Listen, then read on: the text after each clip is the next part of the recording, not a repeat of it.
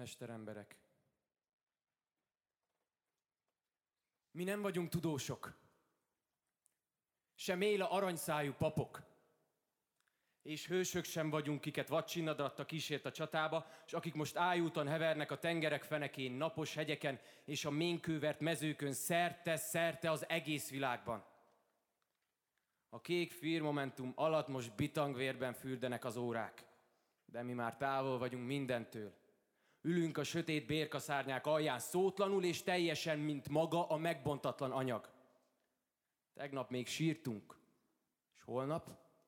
Holnap talán a mi dolgunkat csodálja a század.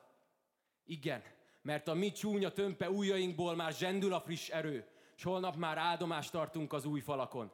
Holnap azbeszből, vasból és roppant gránitból életet dobunk a romokra.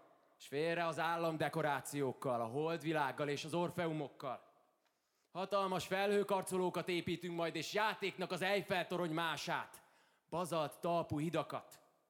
A terekre új mítoszokat zengő acélból, és a döglött sínekre üvöltő tüzes lokomotívokat lökünk, hogy ragyogjanak, és fussák be a pályát, mint az ég szédületes meteorjai.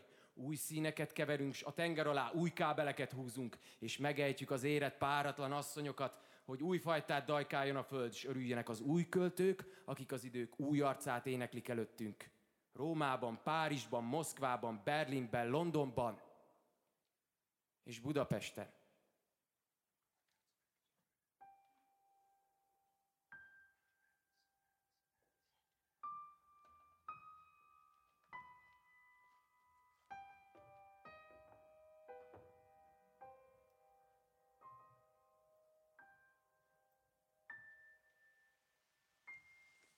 Kedves barátaink! Ha kassákról szólunk, művészete mellett óhatatlanul egy intézményről is beszélnünk kell. Alig van 20. századi irodalmunknak még egy alakja, akiben oly kitartóan és konokul munkált volna a művészeti társadalmi megújulás igénye, mint benne. A magyar avantgárd pápája volt, a fogalomnak minden alkotói és politikai vonzatával együtt. A század elő hatalmas szellemi forradalmától megérintve ez a fiatal autodidakta vasmunkás pár éven belül maradandó impulzusokat adott korszerű művészetünknek, és a gondos filológia megmondhatója, mennyire kikerülhetetlenek törekvései az alkotói formateremtés és progresszivitás területein. Gazdag életművét nagy léptékekkel haladva is nehéz áttekinteni. Miként a század kiemelkedő modernjei számos műfajban alkotott maradandót.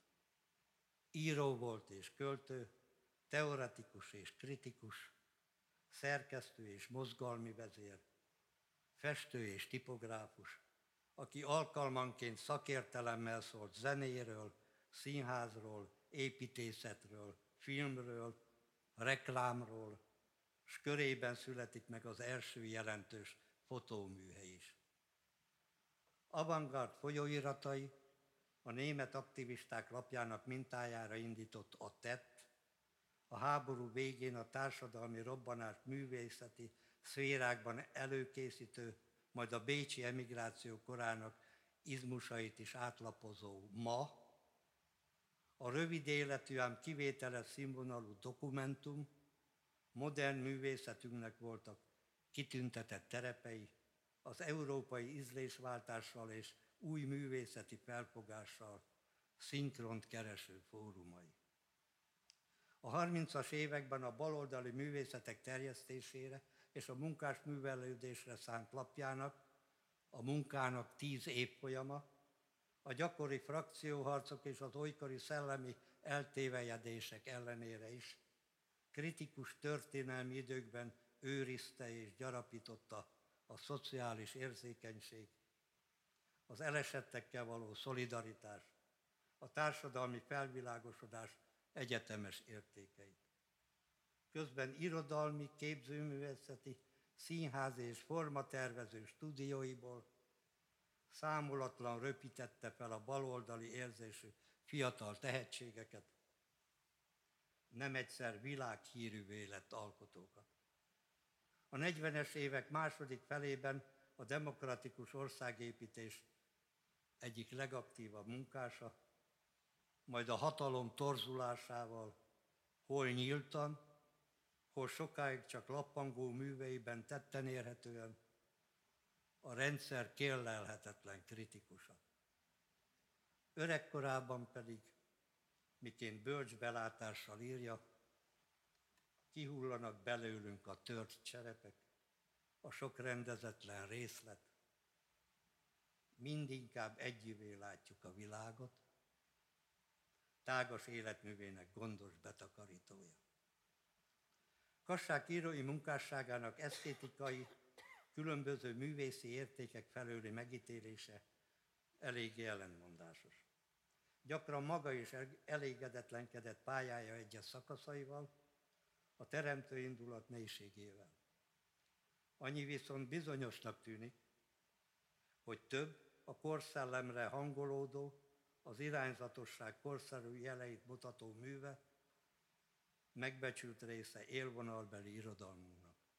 Ugyanakkor legalább két alkotása a szó valódi jelentésében is remek mű, a világirodalmi áramlatok élvonalába tartozó teljesítmény. Wittmann nagyvárosi expresszív vízióinak, Apolliner és Sandra pszichofizikai alapellemekre épülő, a vándorlás élményét lírai stílusváltásokkal kiteljesítő hosszú énekeinek sorában, ott található a ló meghal, a madarak kirepülnek, szintézis teremtő avantgárd lendülete is, melynek közel száz év után sem apat korszerű réra gyelve és nemzedékeket eszméltető hatalma. Ha pedig az Egy ember élete című próza sorozatára tekintünk, azt láthatjuk, hogy nem csak a század elejének különböző regénytípusai ötvöződnek benne, az életrajzi szándéktól a pikareszketen át a fejlődés és a dokumentum regényig, hanem ott a helye a kort törvényen kívül helyezkedő neves szellemi vándorai között, Jack London, Knut Hamsun, Panay Tisztrati és mások mellett. Különösen igaz ez az alkati rokonság írói példaképével, az ős tehetségét és motiváló Maxim Gorkijjal, akit a hazai és a világirodalom kánonjából más baloldali írótársaival együtt szánalmasan próbál kiszorítani a mai túlbuzgót kultúrpolitika. Külön szólnunk kell még Kassák öregkori konstruktivitásáról. Az izmusok anyagainak összerendezése és a hazai provincializmussal való szembesülés generatív felismerésekhez vezette az írót. Jól lehet, túl van már azon a koron, mely esélyt adhatott volna egyfajta hazai neoavantgárd teória körvonalazására, nyilatkozataiban és részben költői, festői gyakorlatában itthon elsők között vázolta fel egy gyökeres művészi szemléletváltás virtuális modelljét. A látvány művészi problémáival való folyamatos együttélés, a modern zenéhez fűződő bensőséges kapcsolat elemeiből alakítva ki, azt a most már neoavantgárdnak nevezhető költészeteszményt, melyet architektonikus, konstruktív költészetnek határozott meg. Öregkori lírájának igazi minősítő jegye és eléggé alig méltányolható varázsa, az a, az a képesség, melyel versét az utolsó pillanatokig a fizikai leépüléssel szemben a korszerűség szintjén tartja, nem engedve ki világképének poétikai horizontjára. Különös érdem ez akkor, ha széttekintünk a 60-as évek uralkodó hazai mezőnyében, alig ha találunk ekkor olyan lírikusokat, akik több szólamban sürgetnék a költői paradigmaváltást, mint ő, szenvedélyesebben bizonyítgatnák a nyílt fórumokon a korszak szűkre méretezett, realista irodalmának anakronizmusát. A több mint hat évtizedes pálya méreteit jelzi, hogy fiatalos lendülettel és mohósággal már nem igen vádolható válogatásom első változata közel négy órás műsorra alakulhatott volna.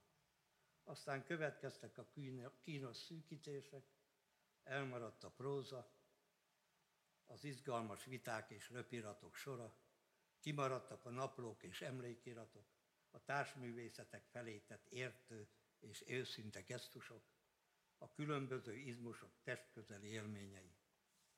Ami maradt, szándékom szerint szűk visszajelzése az életmű fontosabb szakaszainak, a rangos kortársak reflexióinak, s felidézése néhány kulcs szerepben lévő költeményemnek. Reményeimet növeli, hogy a befogadói értelmezésben olyan kiváló segítőtársaim akadtak, mint Follajtár Andrea, a Katona József Színház művésznője, Botár Péter az est rendezője, Darvas Ferenc a zenei közreműködőnk, és a Színház és Filmművészeti Főiskola egyetem hallgatói.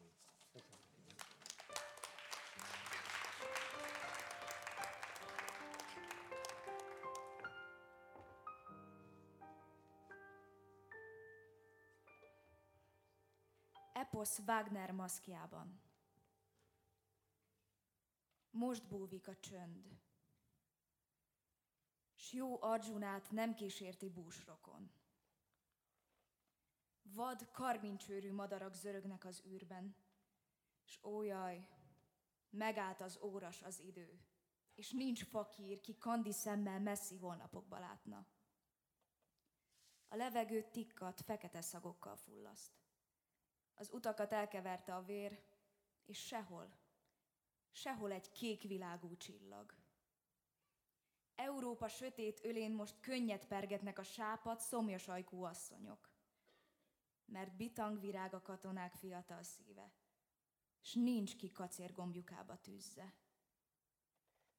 December, január, s a vágyak hídja nincs sehol. Rőt szuronyerdőn hasal az esthajnali ég, s a rongyos fekete baldahin alól riadtan bókol két vörös keresztes zászló. A végtelen határban csokorba álltak a fáradt, bomlott szemű katonák. Hét óra, s a szél hideg esteli gyász tereget. A katonák kemény oszlopba feszülnek, s megindulnak a vad, iszapos mezőkön át. Végtelen kígyósorokban vonaglanak, s itt-ott még fölbukik acélfegyverzetük. Fölöttük lármás, ében tollú madarak húznak nyugat felé, hol sűrű felhőerdőben bújdokol a nap. Elbújt előlük a nap, mint egy bús, pironkodó szűz, és az útjukra nem rajzanak csillagok. A sötét, távoli dombokról skarlát, opál és türkisz őrszemek hunyorognak a térbe. Valahol gazdag trénszekerek kerekei muzsikálnak. Itt süket szurokban ül a télutói csönd, és a komorarcú ég ezüst esőostorral ébrezgeti a holtakat.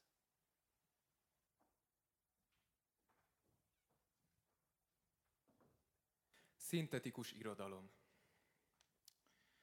Mozgalmunk alapelve a mindent tudás és a semmibe bele nem nyugvás.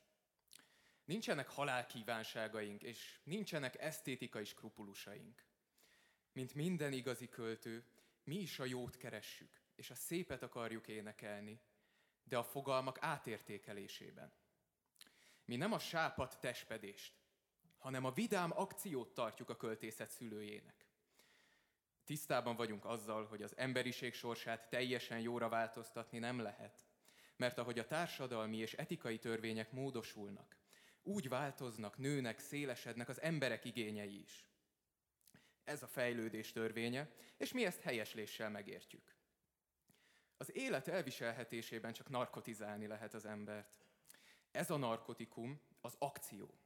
És így nekünk, a társadalom legszívében gyökerező költőknek első hivatásunk ezt az akciót minél életesebb ütemben, minél céltudatosabb pont felé mozgatni. Az új költészet csak egy szempontból értékel, a világ szintetikus látását. És a követelmények megcsinálásánál mindenek feletti célja a világban ezerfelé futó alakok, gondolatok és érzelmek összefogása, egy új és egységes életté formálása. A nüanszok és a poénok nem fontosak. Minden a nagy egész érdekeit szolgálja. Azért az egészét, amely mindenkor valami állító, demonstratív egység. Iskolai mintákhoz hasonlítva verseink nehézkes, bárdolatlan tömbök, és hogy aki élvezni akarja őket, annak elsősorban ennek a nyersnek látszó, de valójában át meg átfúrt faragott, tömegben rejlő provokációban kell a gyönyörűséget megtalálnia.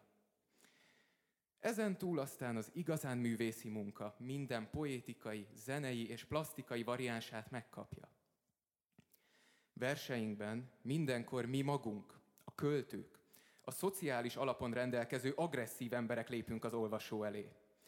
Célunk sohasem az elaltatás, hanem a folyamatos harcra ingerlés, az egy élet kihasználtatása, és megértjük azok idegen ránk bámulását, akik bennünket is a szép és a jó ősi sablonjaiban, valahonnan a dédapáiktól örökölt esztétikai fogalmakkal akarnak lemérni. Verseink szülője a végtelen, és így lemérési formánk is csak a végtelen lehet.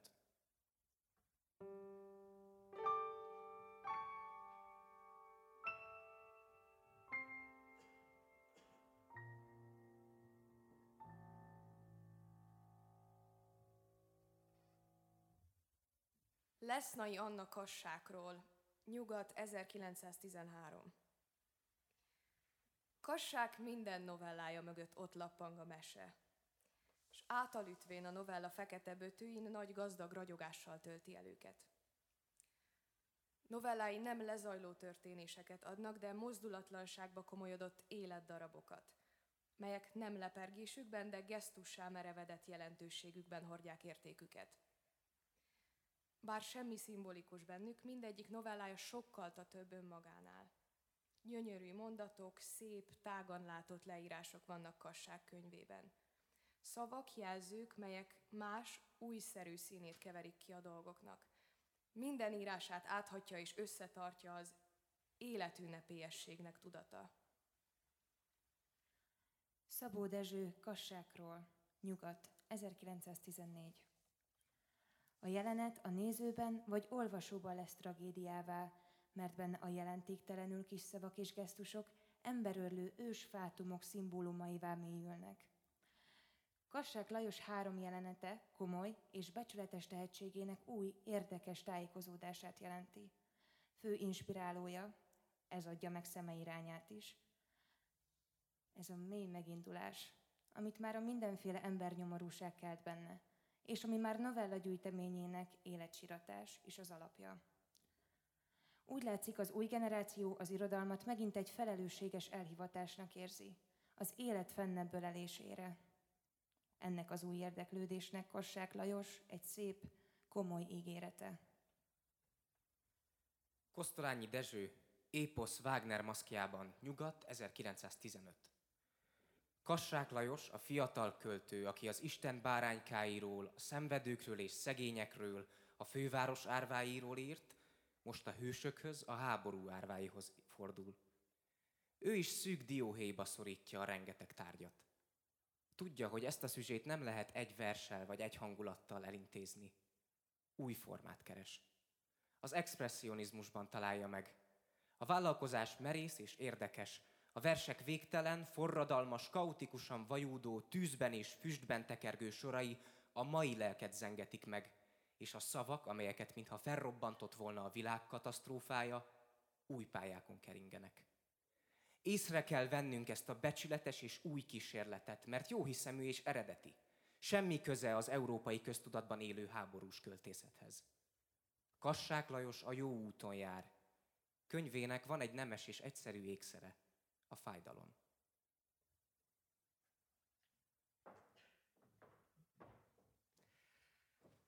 Tisztaság könyve. Madarak csőre hangvillákat fűrészel le a magasból. Néha eljön hozzánk is az idő, hogy a tenyerére vegyen bennünket, és kiemeljen önmagunk mélységeiből. Sokan vagyunk, sok buta dologról kellene beszélnem, de mégis, ha jól meggondoljuk, minden bennünk van elvetve a dolgok innen is, onnan is hozzánk ütődnek, és észrevétlenül átváltozunk kővé vagy acéllá. Van nehézkedésünk, és van feszítő energiánk, és ha kell, kitaláljuk az élet lehetőségeket. Lassan arra is rászokom, hogy kölcsönöket kérjek, pedig bizonyos, hogy adni szeretnék a legjobban. Így talán kiélhetném az alaptermészetemet, ami most csak az írásaimban és képeimben nyilatkozik meg. Nagy hómezők vannak körülöttem, gyümölcsvarokonaim elaludtak a szélben, testvértelen vagyok és erősen kopaszodom, epigonjaim maflacikkeket írnak ellenem, csámpásak a cipőim, el vagyok zárva a lányoktól, nincs eső fölöttem és nincs nap fölöttem, viharos síró liliumokat fésülnek. De jó barátaim, hiába mondják, halljak meg, hogy végre ők is előtérbe jöhessenek. Tömör agyakból gyúrtak, szívós és kíméletlen vagyok. Ki tudtam gyomlálni magamból a forradalmi frázisokat, költőlétemre megöltem magamban a verset, most nyugodt lelkismerettel eltemetem a tornapapucsaimat. Szeretnék jó matematikus, vagy jó mérnök lenni.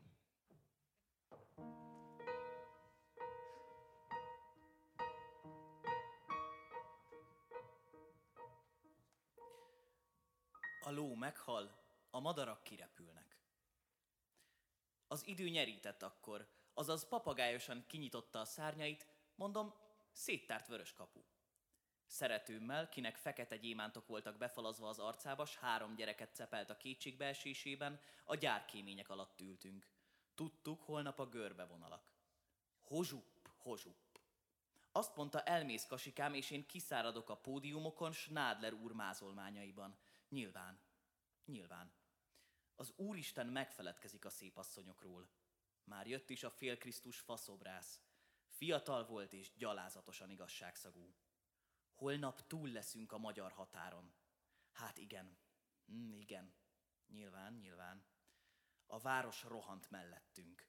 Ide-oda forgott és néha fölágaskodott. Láttam az apám kajla szalmakalapját, amint úszkál a hóüveg fölött a patikától a Szent Háromság szoborig is vissza.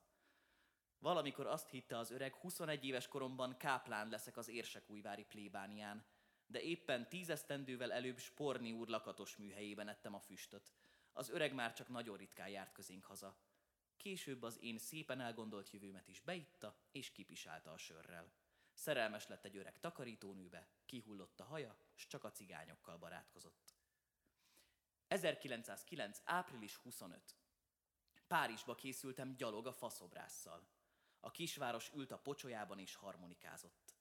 Leveszem rólad a szárnyaimat, ó Szent Kristóf, te sose leszel az apát fia.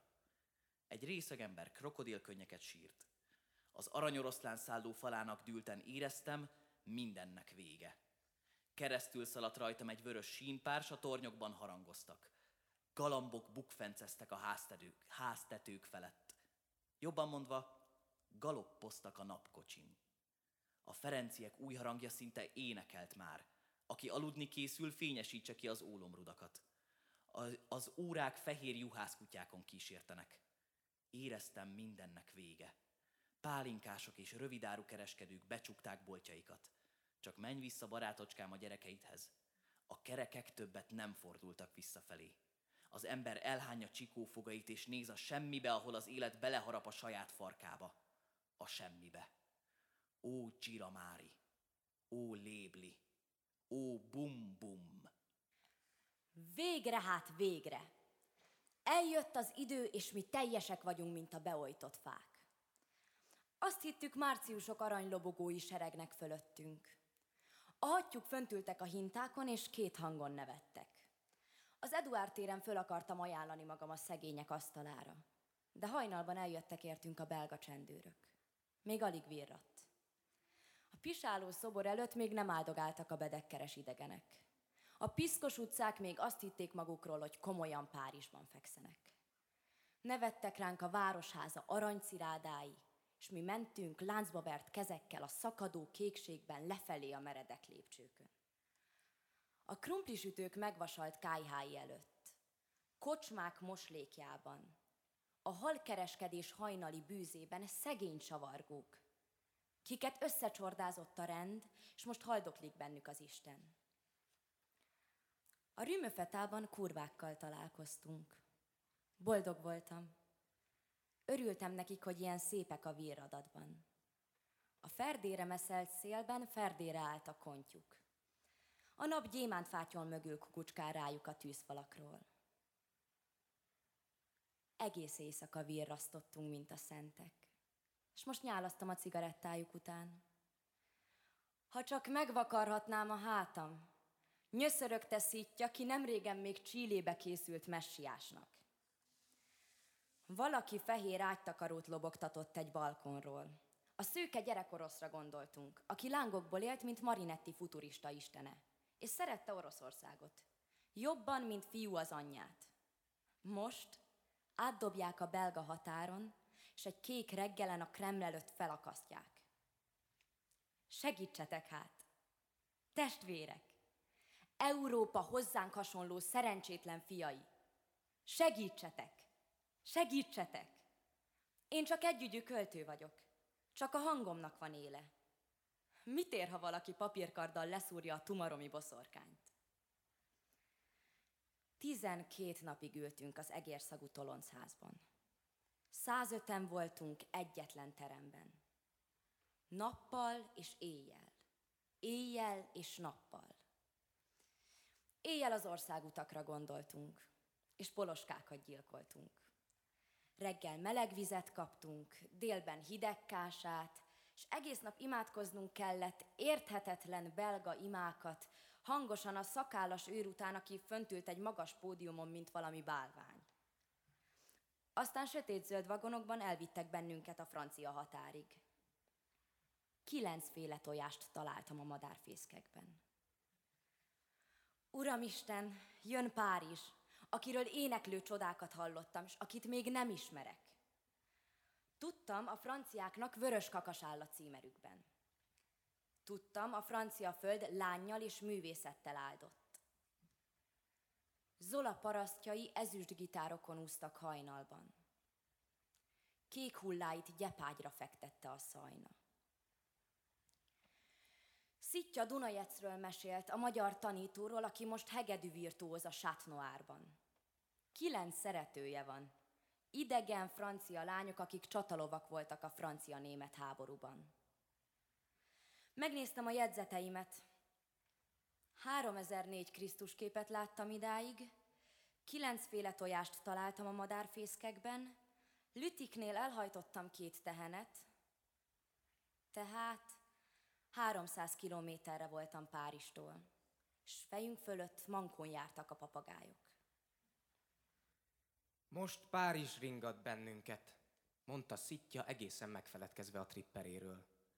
Egyszer már angyalvért fejtem itt a csillagokból, hozzá képest szódavíz volt az anyám teje.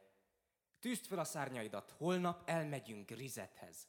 Holnap osztrigát fogunk enni a bulvár italienen, és megnézzük a villanyos madarakat. Holnap átmegyünk a tülériákon és a csillagbáron. Hát igen, igen. Nagyon szomorú voltam, és éreztem beteg lábaimon, hogyan nőnek a körmök. Ó, jaj, jaj.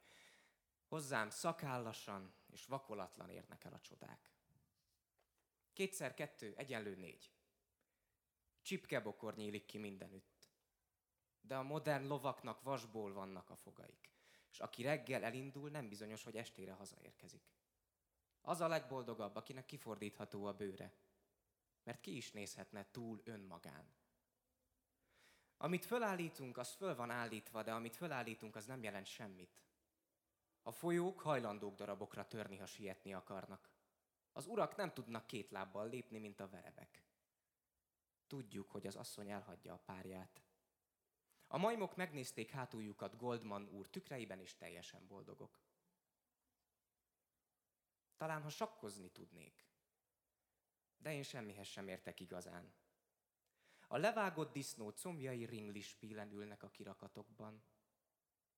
Én láttam Párist, és nem láttam semmit.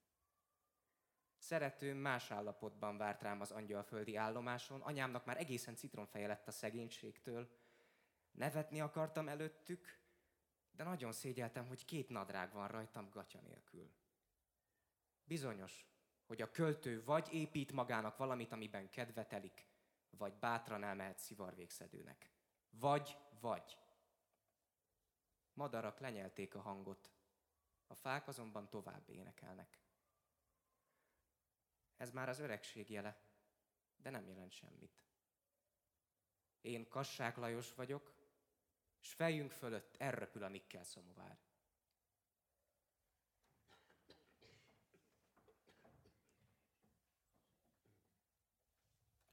Fújjad csak furujádat. Pásztor, fúj bele ében furujádba. Aludni tért a város, és fehér-fekete juhaid is álomra hajlanak a nehéz illatokban. Alszik a jegenyesor, és a millió repcevirág, a magas hegy és a mély völgy is alszik már, alszik, alszik. Fújjad csak ében fa furujádat. Az óra lám nem állt meg felettünk, él és forog az isteni varázsló kezében, és a hold nyugat horizontja fölött ragyog, ha csak nem a Szentlélek ezüst galambja az, ha csak nem az esthajnali rózsa, amely egy fiatal lány keberén virult ki. Ó, barátom, ha figyelsz most, láthatod a nehéz gyász zászlóit lobogni, és a verdeső madarakat, és a zaklatott madarakat, amint vergődnek a szélben, és mindez már túl a hétköznapok kulisszáin, ahogyan te is és én is egy különös hajnalon átléptünk az árkokon és erődítményeken, és íme itt vagyunk, hogy elmondjuk dalainkat. Úgy tartják viharban, hallgatnak a múzsák. Azért is, zengen a lant és szóljon a furúja, gyilkos napok és gyászos esztendők végtelenjében, porladjanak el kedves halottaink csontjai. De akik élnek még, jó kedvel viruljanak. S te szelíd, hegyi lakó pásztor, fekete subádban és zsíros nagy kalapod alatt, fújjad csak furujádat az éjszakában.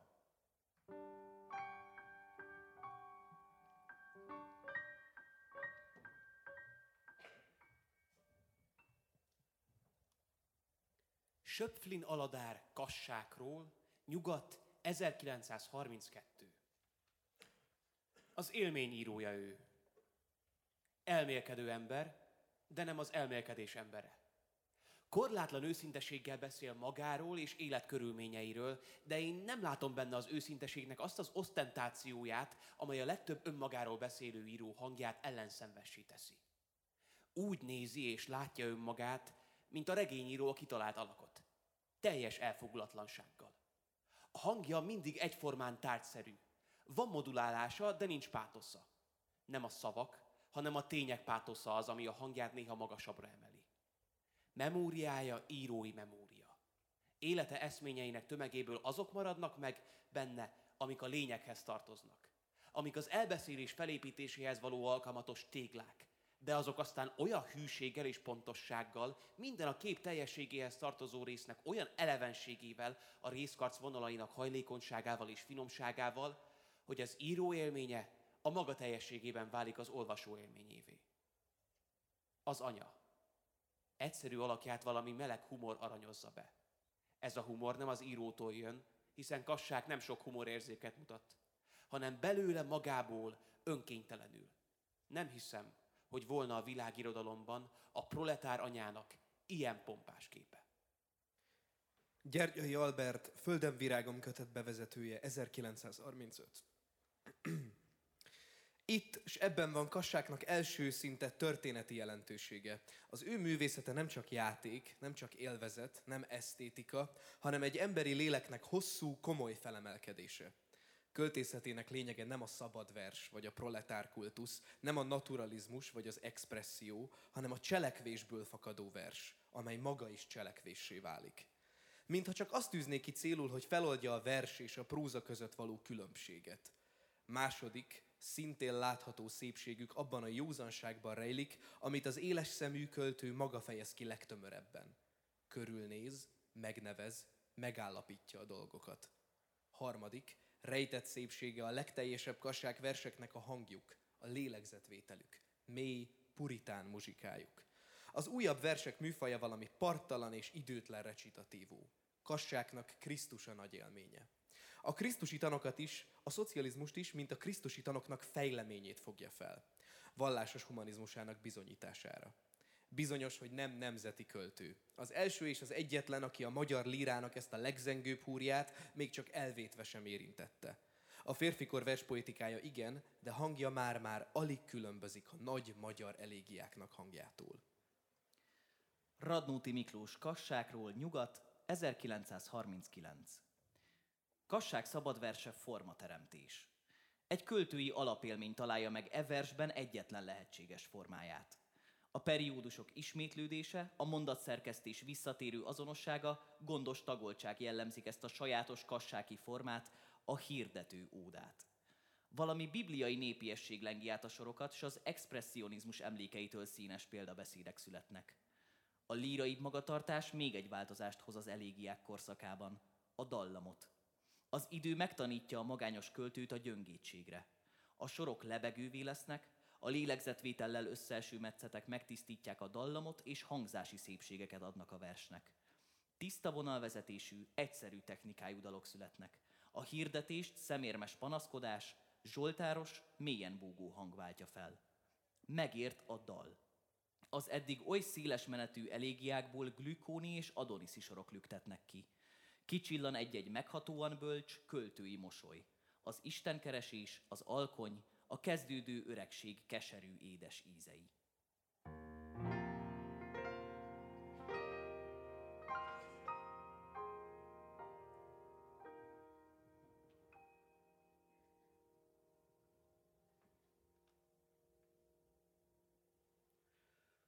Óda 1948 A bevérzett vásznak hullámai között, a józanész és a sárkányfogak kerítésén túl, ahol barna csuhát öltött magára a nap, férgek nyüzsögtek. Az ember halott szemei mélyen ültek a moszatban, és a felzaklatott galambok fészkében szennyes és hideg fémgolyók hevertek.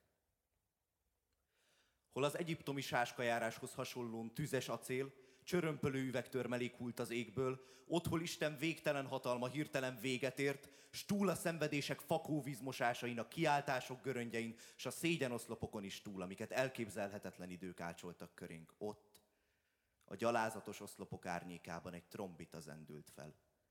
S a megdagadt vizeken új hajók érkeztek, egy régó hajtott hajnal feledhetetlen színeivel. Így kezdődött az ember feltámadása Európában, s a mi kis földünkön is. Ó, a kihűlt tűzhelyek, egy csók, egy kézfogás emléke így gyengéden érintették meg szívünket. És ahol azt hittük mindennek vége, és ahol azt hittük mindennek vége, a párkány töredékén egy rózsa óvta szírmait, és epekedőn mosolygott. Így kezdődött, hogy az ember rossz fogai közül kihult a véreskés, az átok, ami saját fejére szakadt, és hogy ujjai leváltak a másik ember torkáról. Zászlók emelkedtek a magasba, és a szerszámok orkesztere szólt ott, hol a végzett ostora zúzta szét csontjainkat. Az elhagyott ház kapujában ismét csikordul a kulcs. Megleljük életünk értelmét, és az elveszett gyermek lábnyomát. Ó, szenvedéseink végtelen sora! Ó, tragikus múltunk véres cafatai, ó, gyötrő félelmeink a gyilkolástól, és még szörnyűbb félelmeink a meggyilkoltatástól, amott a mély veremben hevertek már döglötten. Tisztító tűz és halálos jégzivatar szakadjon rátok, mossanak szét elhullott könnyeink árjai. Csatornák hörgéses, a dögvés szirénái helyett most a gyárak, műhelyek és irodák kürtjei szólnak. Kiszálltál sírodból, ó hét törrel átszúrt értelem. A költészet illatos koszorúját fonom homlokodra, ki fényjel és harmattal öntözöd mártírjaink dicsőségét. Sarjasztod vágyainkat, vezetett karunk mozgását. A szolgákat telázított fel telhetetlen gazdáik ellen, és a te méhedben bontja kicsíráit a jövendő. Erőnk új rügyezését láthatod világ. Kitagadhatná házaink felett a szétömlő fényt, hű asszonyaink újból kitelt formáit, iskoláink falai közt az ébredő nép dalát. És ti idegenek, hunyt pilláitok mögül is, nem halljátok-e gépeink pergő ütemét, repülőink zúgását a sárga gabonatáblák felett innen is túl a fellegek tavában? Ahogyan mozdonyaink áttörik az éjszakák kötfalait, tengelyeiken gurítva felénk földünk termését, vizeink pontjait, csukáit, ezüst szép márnáit. Napunk felkeltét, jószágunk gyarapodását éneklem ezen a madarakkal behintett bronz színhajnalon. S ha az igaz szó lángjaira szomjazol testvér, hallgass csak, hallgasd bőnyarunk zuhatagjait, és lásd, hogyan nyitja ki, az, hogyan nyitja ki égő szírmait az ígéret, és az áradás, amit mi kavartunk fel, hogyan sodorja el a múlt világ rongyait.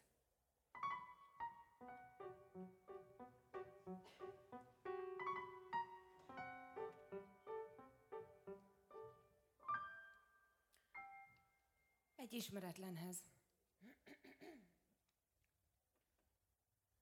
A néma, ha megszólalna, némaságát könyörögné vissza. A sánta, ha futni tudna, messze futna innen. Ha a vak meglátna bennünket, sírva fakadna, ahogyan a gyerekek elsírják magukat az ismeretlen közelettén. És én is kérdezem, micsoda viharszele érződik az éjszakában? Miért sír a kecske a ház kapuja mögött? Miért nem mosolyog az asszony, ha találkozom vele az úton? Hol vétettük el dolgunkat, hogy ilyen megalázottak és kitagadottak lettünk egyszerre? Meddig kell még topognom egyazonék kormos felhői alatt? Ha kitépem galambom szárnytollait, hújjon ki szívemből mosolyod emléke is. Ezt a tájat már nem köszönti a hajnal. Ebben a földben nem fog csírát a gabona. Ebben a csöndben szörnyű bilincs kovácsolódik. Ezekben a kunyhókban csak halottak tanyáznak. Én is meghaltam tán. De kelj fel te! Eresszen el a rozoga ágy, a sűrű éjszakai pára. Menj! S talán meglelett hűszeretőd. Egy cimborára akadsz talán, aki segít leverni láncaid. S ó a szél, a könnyű márciusi szél, ha elindul, magával hozza szebb és élőbb világok illatát. Hallod-e? Hallod-e? Legszebb álmaim sírnak-e sorokból? Szorítsd meg hát a kezem, mint a testvér kezét. Így áll poharamból, mint a testvér poharából. És ne szomorítson el örök szomorúságom. Szabadítsd ki a galambot, melyet megkínoztam és öntözd meg kertem virágait, és emlékeztesd a lányokat, hogy még élek, és szállj meg, és ragyogj felettem, és nyisd ki jövendő kapunk világát, és nyisd ki jövendő világunk kapuját, ami előtt a gyávák visszarettennek.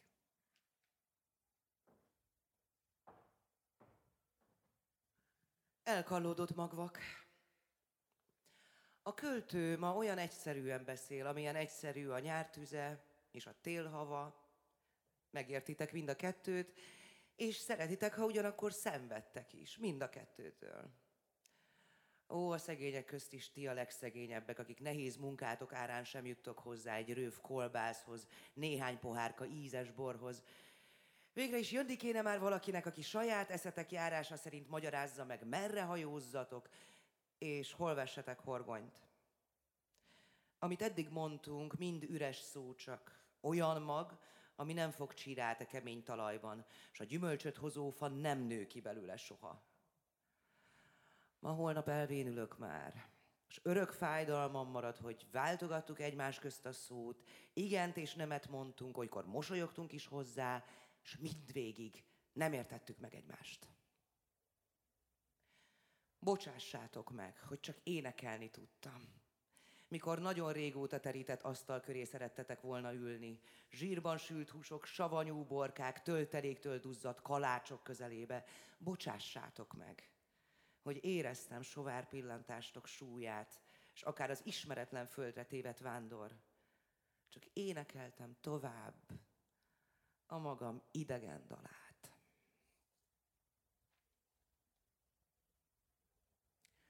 A költő önmagával felesel. Hely, Kassák Lajos! Derék Kassák Lajos! De sokan neheztelnek rád, Vicsorítják fogaikat és fenik a késüket. Miért mondod, kedves és bő, bőkező hazádban nincs semmi, ami előtt érdemes lenne mélyen kalapot emelni, együgyű képpel hajlogni jobbra-balra a hála és köszönet nevében? Hely, egyszer majd megtanítanak kesztyűbe dudálni. Ahelyett, hogy szétnéznél a bőrzén, közvetítenél vagy kereskednél, költeményeket firkálsz. Meggyalázva az anyagot és formát, mindenki megvet érte a maga kis értelmével, és hiszi, joggal süti le pilláit, ha rólad van szó. Hívatlan vendég vagy köztünk, és sajnos nem találsz ki az ajtón, amit annyiszor feltártak előtted. Menj, mondják. Nem állhatjuk szúrós tekintetet, kuszadarabos verseit kellenek az ördögnek, nevetéseddel és konok tagadásaiddal. Ne sebezd meg bennünket, akik különben is annyira vérzékenyek vagyunk. Minek ez a sok szentencia, no lám csak. Vagyok, amilyen vagyok, az atya egyetlen fia, kényelmes és folyton rohanó, konok és engedékeny egyszerre, dolog kerülő a munkások közt, törvénybontó a költők előtt, akiknek nehezen viselem el irítségét, és szánom őket, hogy olyan öregen jöttek a világra, s fáradtan üldögélnek üres kaptáraik körül. Öreg vagy már te is. Méheid feleszik saját mézüket, és ezért haragos a tekinteted, és keserű a szádíze. Eljön majd az idő, mikor leültök az asztalomhoz mézet kanalazni, és gyönyörködtök a kiszállt rajokban, melyek az én dalaimat dalolják. A virágzó réteg felett, stükröződve a csobogó patakok ezüstjében.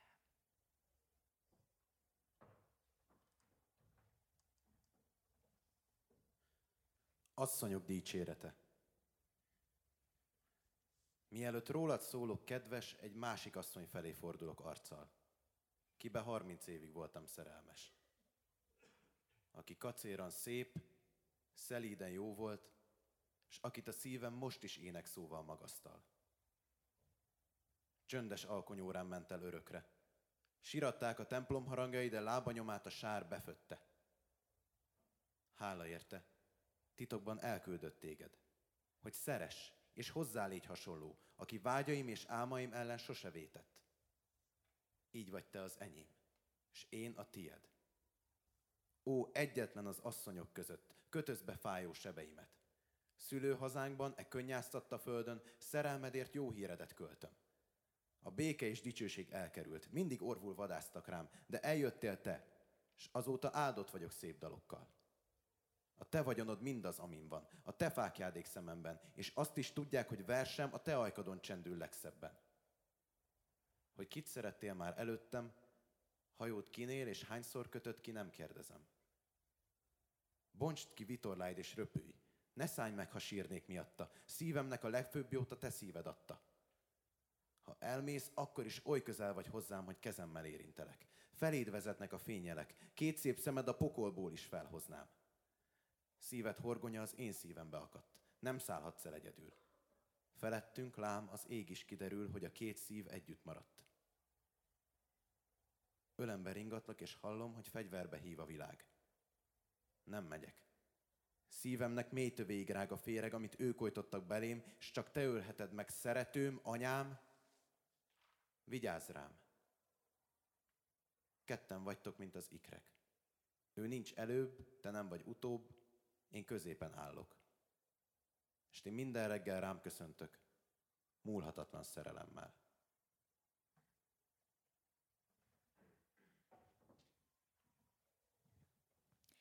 Lengyel Balázs kassákról, Újhold 1947.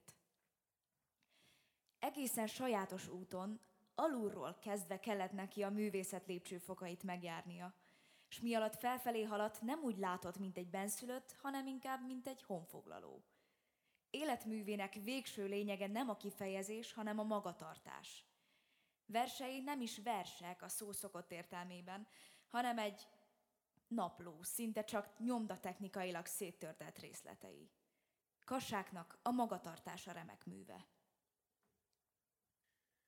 Komlós Aladár kassákról Élet és irodalom, 1963. Kortársai közül senki sem, Az egész világirodalmat ismerő Babics sem volt annyira szinkronban Európával. Műve egyszerre esztétikai érték és irodalomtörténeti esemény. Egy egész korszak nyugtalansága nyilatkozik meg benne.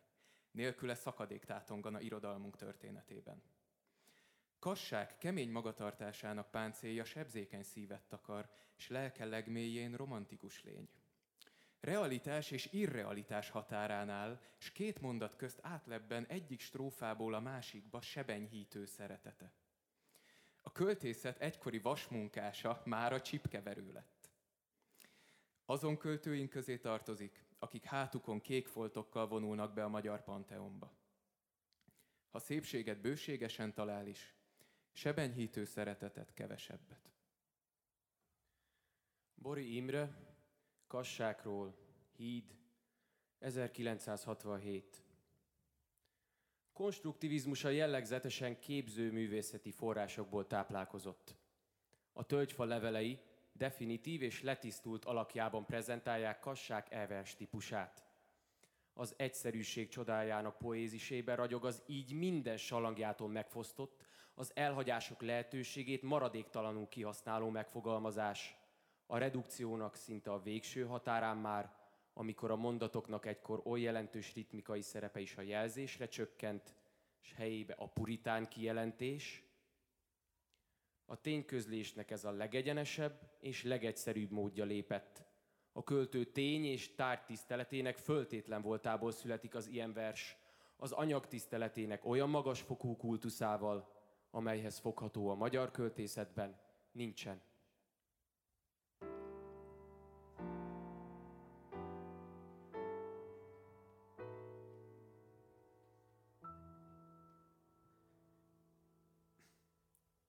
Vagyonom és fegyvertáram. Kedves tárgyaim az asztalüveglapján. Nagyon szegényes az özbenyomás. Különböző világtájakról érkezett festéktubusok barátaim küldték, akik feloldani kívánják magányomat, és megértik képeimet, melyek az egyszerűség és tisztaság nyelvén beszélnek. Néhány megfakult fénykép összekuszált múltamat idézik. Fehér papírlapok szétfolyt vércseppek nyomaival. A költő elvetélt magzatairól vallanak. És levelek, Levelek, amiket nem válaszoltam meg, és ezért állandóan nyugtalanítanak. Ecsetek, tollak, ceruzák. Íme az én vérrel be nem mocskolt fegyvereim.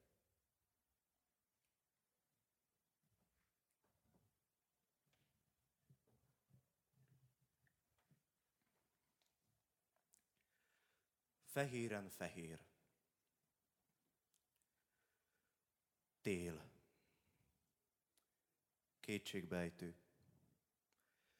Ismét hallanom kell a dalt, a ríkatja a hárfát, mely hófehér. Ismét látnom kell a madarakat, ahogy éhükben meghalnak, s lassan maguk is fehérré válnak. Vállamon puskával megyek át az üres réten. Menedéket keresek, de már csak tétován. Konok fehérség, elvesztettem benned otthonom.